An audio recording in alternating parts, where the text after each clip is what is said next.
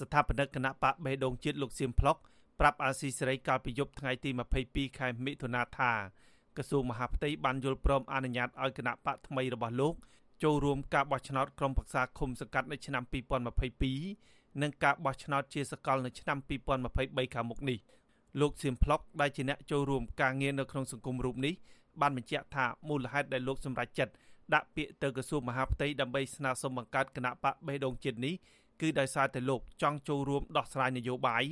និងចង់ចូលរួមបម្រើផលប្រយោជន៍នៅក្នុងសង្គមឲ្យមានភាពល្អប្រសើរជាងនេះតែទោះជាយ៉ាងណាក៏លោកមិនបានដឹងថាគណៈបករបស់លោកនឹងដំណើរការទៅយ៉ាងណានោះទេដរាបណាក្រសួងមហាផ្ទៃមិនទាន់បានទទួលស្គាល់ជាផ្លូវការនៅឡើយអឺខ្ញុំអត់ទាន់អត្ថាធិប្បាយបានទេពីព្រោះអត់ទាន់បានចុះក្រសួងមហាផ្ទៃអត់ទាន់បានបំពេញចុះបញ្ជីអីបែបបត់ទៅទៅ ពេញលក្ខណៈទេឥឡូវនេះក៏ជំហានទី1គឺយើងបានសុំបង្កើតគណៈបកឥឡូវក្រសួងបានអនុញ្ញាតហើយជំហានបន្ទាប់គឺយើងបានចុះទៅចុះបញ្ជីរួចរាល់នៅពេលនោះបានយើងនឹងអាចអធិប្បាយបានលោកសៀមផ្លុកកាលពីថ្ងៃទី9ខែមិថុនាបានដាក់លិខិតទៅក្រសួងមហាផ្ទៃដើម្បីស្នើសុំបង្កើតគណៈបកបេដងជាតិដែលហៅកាត់ថាកបជ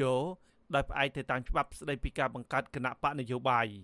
អ្នកនាំពាក្យគណៈបកប្រជាជនកម្ពុជាលោកសុកអេសាន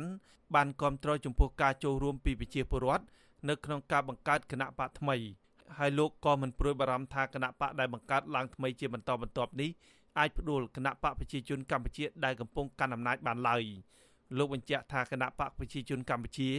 ជាគណៈបកតែមួយគត់ដែលផ្ដាល់ទំនុកចិត្តពីប្រជាពលរដ្ឋ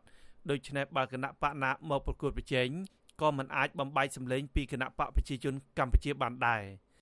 ខ្ញុំយល់ថាដូចយើងដឹងប្រាប់ហើយថាគណៈបកប្រជាជន មានប្រវត្តិតស៊ូយូរលង់ណាស់មកហើយបើប្រៀបធៀបនឹងគណៈ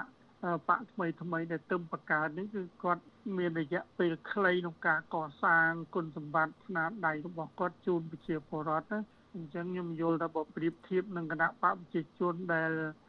គេច្រើននិយមហៅថាជាគណៈបកចាស់វសានឹងខ្ញុំយល់ថាគណៈបកប្រជាជនមានស្នាដៃច្រើន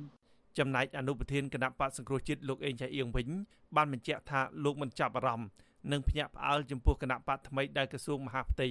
ទើបតែអនុញ្ញាតឲ្យបង្កើតនោះទេលោកថាឲ្យដល់ទៅចិត្តរដូវបោះឆ្នោតម្ដងម្ដងគឺតែងតែមានគណៈបកថ្មីដែលមិនធ្លាប់មានសកម្មភាពចាប់ផ្ដើមផុសផុលឡើងវិញតែទោះជាយ៉ាងណាលោកថាប្រជាពលរដ្ឋគ្រប់គ្រងឬមិនគ្រប់គ្រងគឺអាស្រ័យទៅលើសកម្មភាពរបស់គណៈបកនយោបាយទាំងនោះប៉ុណ្ណោះ ដើម្បីឲ្យមានការគ្រប់គ្រងពីប្រជាពលរដ្ឋគឺអាស្រ័យទៅលើគោលជំហរនយោបាយគោលជំហរមេដឹកនាំរបស់គណៈបកនឹងបើសិនជាគណៈបកនឹងគណៈបកណាមួយគឺថាមានគោលជំហរក្រាន់តែរណបអែបអែបគណៈបកកណ្ដាលអំណាចហ្នឹងគឺច្បាស់ជាគ្មានការគ្រប់គ្រងទេបាទអាហ្នឹងគឺយើងដឹងហើយកន្លងមកនៅប្រទេសកម្ពុជាយើងមើលឃើញហើយព្រោះ តាំងពីក្រោយកិច្ចព្រមព្រៀងសន្តិភាពទីក្រុងប៉ារីសមកហ្នឹងគឺយើងឃើញមិនដែលមានគណៈបកតិចទេចូលរួមការបោះឆ្នោតហ្នឹងតេតិនទៅនឹងបញ្ហានេះអ្នកវិភាគនយោបាយនិងសង្គមលោកបណ្ឌិតមាសនេះមានប្រសាសន៍ថាប៉ះសិនបើគណៈបកនយោបាយប្រឹងតែបង្កើតរៀងរៀងខ្លួនមិនគិតគូរផលប្រយោជន៍ជាតិជាធំនោះគណៈបកទាំងនោះគ្រាន់តែជាផ្កាដើម្បីលំអសួនប្រជាធិបតេយ្យឲ្យគណៈបកកណ្ដាលអំណាចក្នុងការដឹកនាំប្រទេសតទៅទៀតប៉ុណ្ណោះ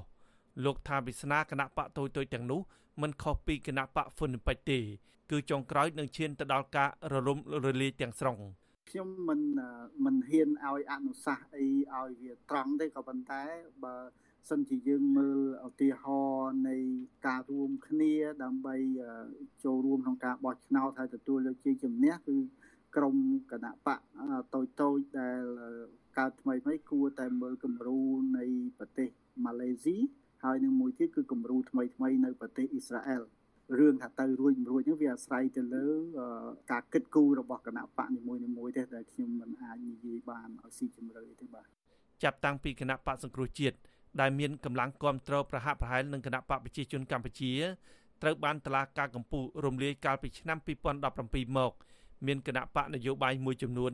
ដូចជាគណៈបកស្លាញ់ជាតិគណៈបកកាយតម្រង់កម្ពុជា និងគណៈបកខ្មែរអភិរក្សនិយមត្រូវបានបង្កើតឡើងជាបន្តបន្ទាប់ដែលសិតសឹងជាសមាជិកមកពីអតីតមន្ត្រីជាន់ខ្ពស់គណៈបកសង្គ្រោះជាតិផងដែរខ្ញុំបាទហេងរស្មី អាស៊ីសេរីពីរដ្ឋធានី Washington